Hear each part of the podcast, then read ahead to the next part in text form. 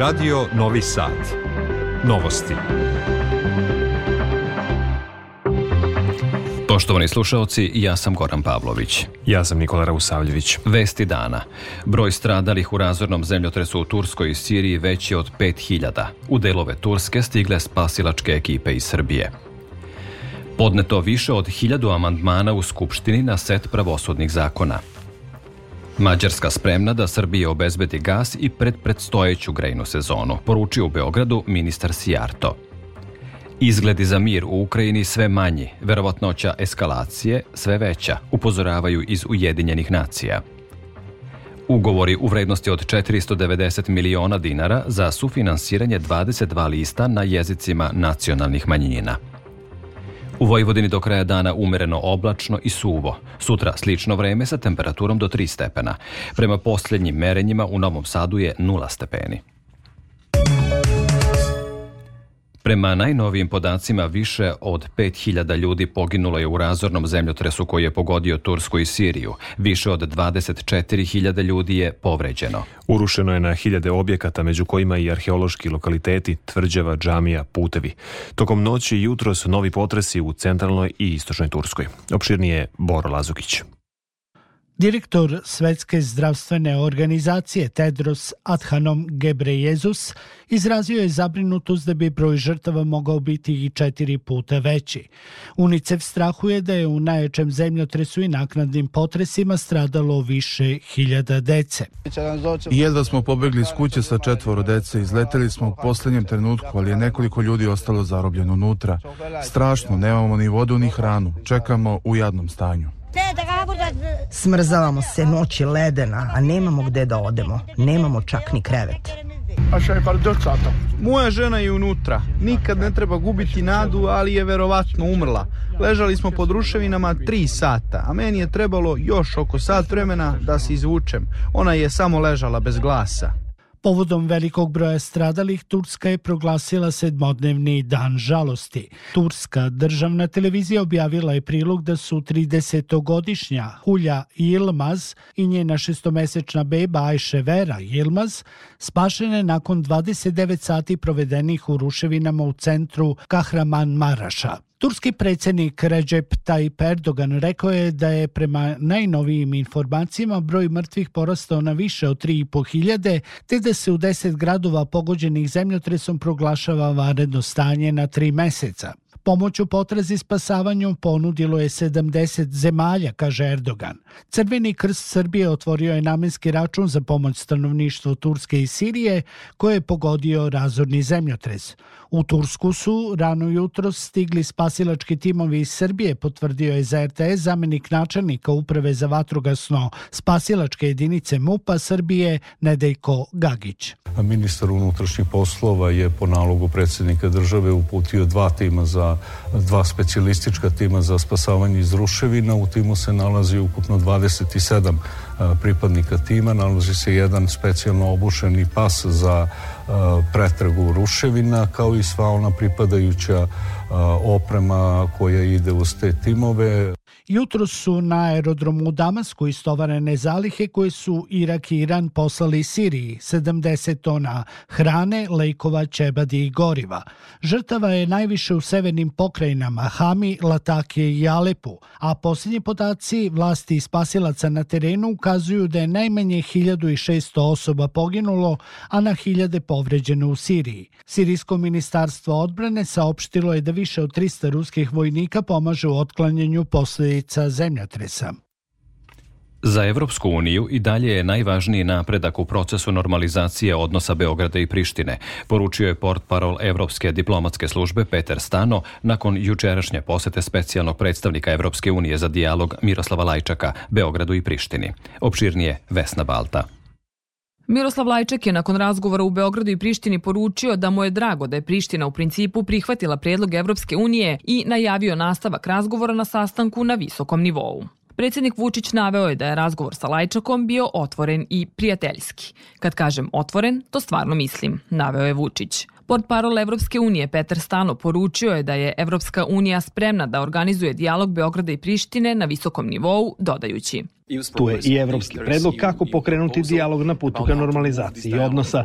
Nemamo šta da dodamo u odnosu na ono što je naš specijalni predstavnik rekao na terenu. Kada je reč o sastanku na najvišem nivou, mi smo uvek srećni da ga održimo i uvek to pokušavamo da organizujemo. Najavit ćemo pravovremeno kada dijalog na najvišem nivou bude stavljen na agendu. Predsednik Aleksandar Vučić sastao se danas sa premijerkom i ministrima iz redova Srpske napredne stranke. Ministar unutrašnje i spoljne trgovine Tomislav Momirović rekao je za RTS uoči sastanka da država vodi tešku političku borbu da sačuva Kosovo i Metohiju. Na jučerašnjem sastanku sa premijerkom Anom Brnabić, kako kaže, kritikovana je atmosfera za vreme skupštinske rasprave o Kosovu. Dok je predsednik Republike borio, izborio se za naš narod na Kosovu i Metohiji. Danas svi znaju da je briselski sporazum najbolji sporazum od Dejtonskog sporazuma. Sporazum koji je obezbedio opstanak našem narodu. Danas svi znaju da smo zaustavili oluje na Kosovu i Metohiji i nove pogrome da li smo imali adekvatnu podršku. I zaista ne želim više u ovom trenutku da govorim o tome, o tome će svakako biti reči u narednom periodu, a na nama ostaje da nastavimo ovu borbu, da nastavimo hrabro, jer predaja nije opcija. Prethodno su opštinski i gradski odbori Srpske napredne stranke širom Srbije saopštili da čvrsto stoje uz predsednika Vučića u njegovoj borbi za Kosovo i Metohiju i naporima za napredak Srbije. Podsjetimo, beogradski mediji preneli su da su vanredni izbori mogući već na jesen. Boban Đuzić, 19-godišnjak ranjen nedavno u napadu nožem u Mogili kod Vitine, otpušten je na kućno lečenje iz bolnice u Pasjanu, potvrdio je RTS-u njegov otac Ivica Đuzić. Ivica Đuzić je naveo da se Boban zdravstveno dobro osjeća i da će ga lekari redovno kontrolisati, jer tek treba da mu skinu konce sa dve ubodne rane. Poslanici Skupštine Srbije nastavili su raspravu o više od hiljadu amandmana na set pravosudnih zakona. To su predlozi zakona o sudijama, o uređenju sudova, o Visokom savetu sudstva, Visokom savetu tužilaštva i javnom tužilaštvu. Ključna izmena novih zakona, ovih zakona, jeste da se izbori sudija i tužilaca izmeste iz parlamenta, čime se vrši depolitizacija pravosuđa. Zakoni se donose i kako bi se usklad, uskladili sa izmenjenim ustavom u oblasti pravosuđa, što su građani potvrdili na referendumu prošle godine. Opozicija smatra da će se politizacija pravosuđa, kako tvrde, nastaviti kroz izbor istaknutih pravnika koji se biraju u parlamentu. Narodni poslanik Socijalističke partije Srbije Zvonimir Stević podneo je danas ostavku jer je uočeno da je tokom sednice o Kosovu i Metohiji gledao filmove za odrasle. Mađarska je zainteresovana da preko Srbije dobije gas iz Azerbejdžana, rekao je mađarski ministar spoljnih poslova i trgovine Peter Sijarto posle sastanka u vladi Srbije sa našom ministarkom rudarstva i energetike Dubravkom Đedović. Planovi postoje i u povećanju kapaciteta prenosne mreže struje između dve zemlje, razgovarano je i o diversifikaciji snabdevanja naftom. Opširnije Vladimir Radojković. Strateško partnerstvo Srbije i Mađarske uspostavljeno kao rezultat odličnih političkih odnosa potvrđeno je i u više sfera energetike. Saglasni su ministri na prvom zvaničnom sastanku u Beogradu. U jeku energetske krize poručuju partnerski odnos garantuje veću energetsku bezbednost. Ministar spoljnih poslova i trgovine Mađarske Peter Sijarto. Jedan od dramatičnih uticaja rata u našem susedstvu pokazao se u energetskoj krizi. Osnovni cilj i Srbije i Mađarske je da građanima garantujemo snabdevanje energentima i drago mi je što smo sa ministarkom zaključili da i Srbija i Mađarska uspešno absolviraju ovaj težak period. U uspehu obe zemlje veliku ulogu igra naša strateška saradnja. Mađarska je za potrebe Srbije uskladištila 500 miliona kubnih metara gasa, a u istom obimu pomoć nudi i za sledeću grejnu sezonu. Pored tranzita ruskog gasa koji balkanskim tokom stiže iz Turske, novi pravac snabdevanja iz Azerbejdžana omogućit će srpsko-bugarska gasna interkonekcija do kraja godine. Ministarka rudarstva i energetike Dubravka Đedović. Ono što jeste Srbiji cilj je da diversifikuje svoje rute snabdevanja i da postanemo deo južnog gasnog koridora, čime ćemo i naše kapacitete povećati, pre svega završetkom izgradnje interkonekcije između Srbije i Bugarske i time doprineti da postanemo još značajnija tranzitna zemlja kada je gas u pitanju. Dvostruko veći kapacitet mreže za prenos električne energije između naše zemlje i severnog suseda treba da obezbedi izgradnja Panonskog koridora do 2028. godine. Povezivanje je planirano i naftovodom, a projekat je u pripremi. U okviru zvanične posete Sjedinjenim američkim državama, načelnik generalštaba Vojske Srbije general Milan Mojsilović imao je više bilateralnih susreta sa visokim zvaničnicima Ministarstva odbrane SAD-a u Vašingtonu. Razgovaraće se i o saradnji Vojske Srbije sa Nacionalnom gardom Ohaja.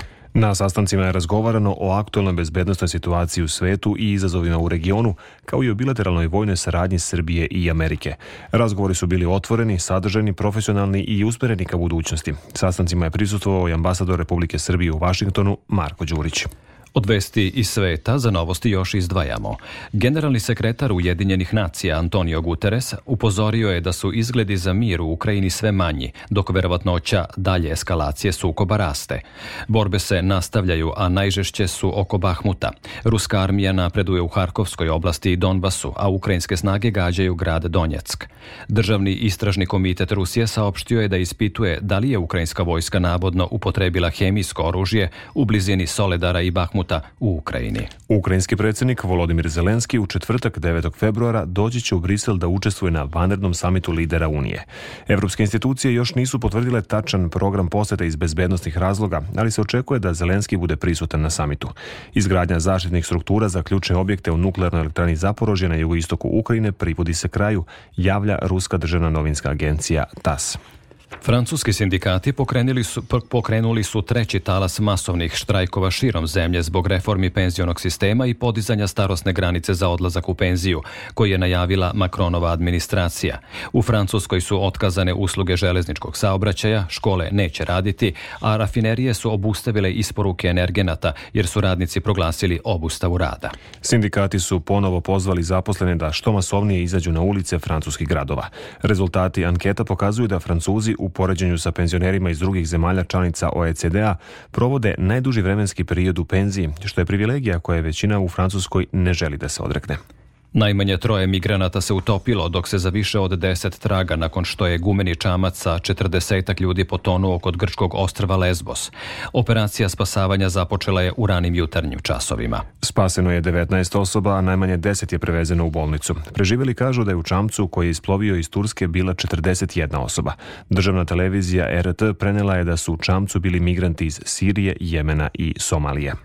Meksički državni zvaničnici su u severnom delu zemlje saopštili da je još jedna osoba preminula od misteriozne epidemije meningitisa, pa je sada broj umrlih od te bolesti 35, preneo je Reuters. Do danas zdravstvene vlasti uglavnom ruralnog dela države Durango zabeležile su 79 slučajeva u prethodnih nekoliko meseci. Meningitis, odnosno upala likvora ili moždanih ovojnica, uglavnom je izazvana virusom, a u nekim slučajevima bakterijom ili gljivičom infekcijom. Smatra se da je ta vrsta meningitisa Idrisa izuzetno opasna.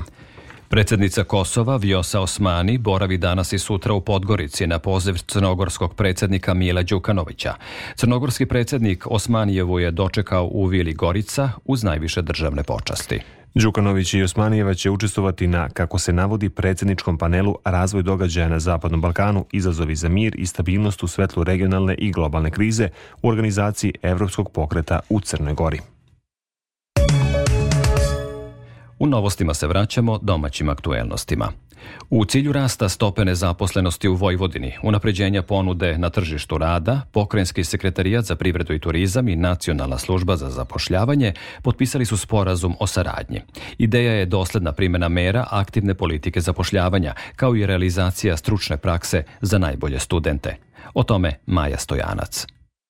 Najvažnije je da politika zapošljavanja prati potrebe na tržištu rada, objašnjava pokrinjski sekretar za privredu i turizam Nenad Ivanišević, dodajući da su prekvalifikacija i dokvalifikacija neke od osnovnih mera zapošljavanja u koje će pokrajina ulagati. Da izdvojimo 20 miliona dinara za prekvalifikaciju i dokvalifikaciju u IT sektoru i to u dogovoru sa Nacionalnom službom za zapošljavanje i IT kompanijama da definišemo vrlo specifična zvanja u kojima ćemo vršiti prekvalifikaciju, dokvalifikaciju. Našoj zemlji neophodni su mladi stručnjaci, objašnjava resorni sekretar, dodajući da je stoga jedna od mera i omogućavanje stručne prakse za najbolje studente. Zapošljavanje najboljih studenta sa univerziteta sa sedištem na teritoriji autonome pokrine Vojvodine kao redovna aktivnost pokrinjskog sekretarijata za privredu i turizam. Sve ovo ima za cilj da smanji još više stopu nezaposlenosti. To potvrđuje i direktorka pokrajinske službe za zapošljavanje Snežana Sedlar, navodeći da je za zapošljavanje najboljih studenta izdvojeno 8 miliona dinara, dok je za primjenu aktivnih mera zapošljavanja Nacionalna služba za zapošljavanje izdvojila više od 6 milijardi i 800 miliona dinara. Privredna komora Vojvodine i časopis Poljoprivrednik već šestu godinu organizuju konferenciju nazvanu Finansiranje poljoprivrede kako bi proizvođači znali šta će finansirati republička, a šta pokrajinska administracija. O tome Đorđe Simović. Za skup u Privrednoj komori Vojvodine vladala je velika zainteresovanost poljoprivrednika koje je najviše zanimalo kada će dobiti prve ovogodišnje subvencije. Državna sekretarka u Ministarstvu poljoprivrede Ivana Popović kaže da će poljoprivrednicima prvo biti isplaćena dugovanja iz prošle godine.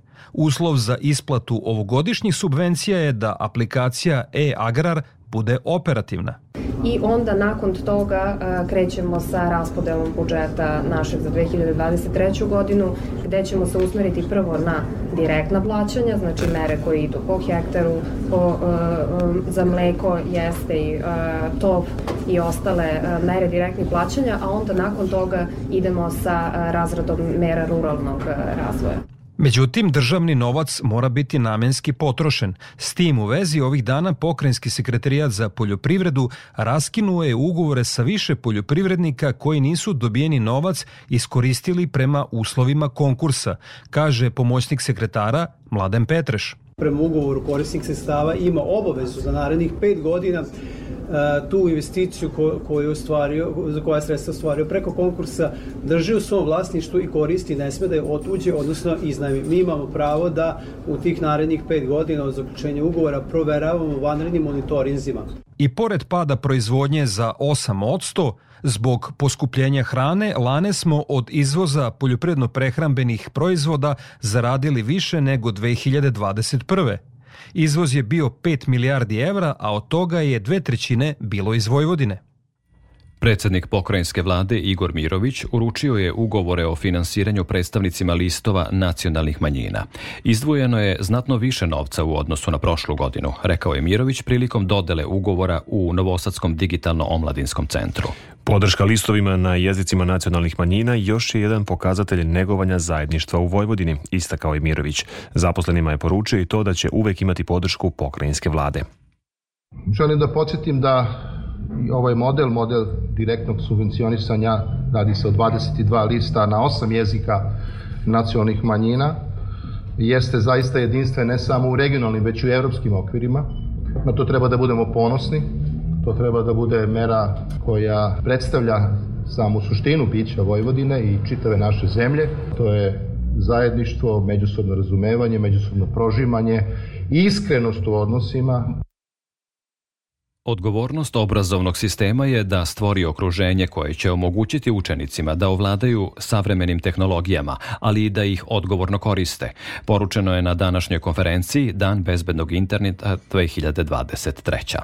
Pomoćnik ministra prosvete Aleksandar Jović rekao je da su deca savremenog doba spretni korisnici digitalne tehnologije, ali da nemaju potrebno znanje i veštine kako bi odgovorno koristili savremene tehnologije. Naše škole su opremljene digitalnim uređajima, ali nije dovoljno obezbediti samo pristup internetu, već da se ukaže na opasnosti interneta.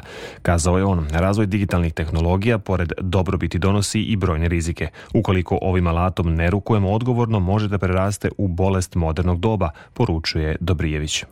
U Pšinjskom okrugu u opštini Trgovište i na delu teritorije Bosilegrada na snazi je vanredna situacija. Na terenu je sva raspoloživa mehanizacija. Zbog zaostalih snežnih nanosa do sutra neće raditi škole u planinskim predelima. U Crnoj travi sneg pada od jutros i stvoreni su veliki smetovi, što otežava rad putara na terenu. Na Mašištu je visina snega više od 2 metra, a za čišćenje puteva trebaće dva dana. U Ivanjičkom kraju na Goliji do udaljenih domaćinstava u kojima nema ugroženih ljudi može se samo motornim sankama. Starijima i bolestima dopremaju se hrana i lekovi. Glavne saobraćenice su prohodne. Iz sporta za novosti izdvajamo. U 18. kolu ABA lige košarkaši borca će u Čačku ugostiti Zagrebačku Cibonu. U 14. kolu Arkus lige za rukmetaše u Kaću od 19 časova sastaće se Jugović i Šamot, dok će u 15. kolu našeg elitnog rukometnog takmičenja Vojvodine od 16 časova u Novom Sadu odmeriti snage sa Kikindom. U poslednjoj utakmici regionalne IHL lige u hokeju na ledu Novosadska Vojvodina će od 20 časova u Novom Sadu dočekati ekipu Zagreba. Podsjećamo, utakmica nema rezultatski značaj jer Novosađani nisu obezbedili plasman u play-off tog međunarodnog takmičenja.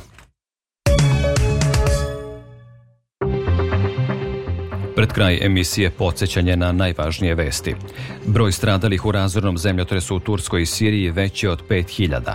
U delove Turske stigle spasilačke ekipe iz Srbije. Među povređenima nema državljana Srbije podneto više od hiljadu amandmana u Skupštini na set pravosudnih zakona.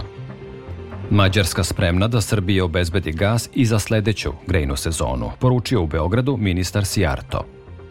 Izgledi za mir u Ukrajini sve manji, verovatnoća eskalacije sve veća, upozoravaju iz Ujedinjenih nacija. Ugovori u vrednosti od 490 miliona dinara za sufinansiranje 22 lista na jezicima nacionalnih manjina – Prema poslednjim merenjima u Novom Sadu je nula stepeni. Da čujemo i opširniju prognozu. U Vojvodini u sredu ujutru mraz, a tokom dana u većini predala suvo vreme uz promenjivo oblačno sa sunčanim periodima. Više sunčanih časova biće na severu Vojvodine i u Banatu. Minimalne jutre temperature između minus 8 i minus 5, a maksimalne od 0 do 2 stepena. U Vojvodini u četvrtak ujutru mraz, a tokom dana suvo i pretežno sunčano u većini predela. U petak i za vikend će i dalje biti jutarnjih mrazeva, ali se očekuje postepeni porast dnevne temperature uz pretežno sunčano vreme u petak. Za Radio Novi Sad Stanko Sparavalo, Meteos. Slušali ste novosti prvog programa radija Radio Televizije Vojvodine. Sve vesti iz zemlje i sveta možete pronaći na našoj internet stranici rtv.rs, gde ovu emisiju možete slušati odloženo. Novosti tonski realizovao Zoltan Feher, producentkinja Branislava Stefanović, pred mikrofonom bili urednik Goran Pavlović i Nikola Rausavljević. U nastavku programa sledi Radio Sport. Hvala na pažnji.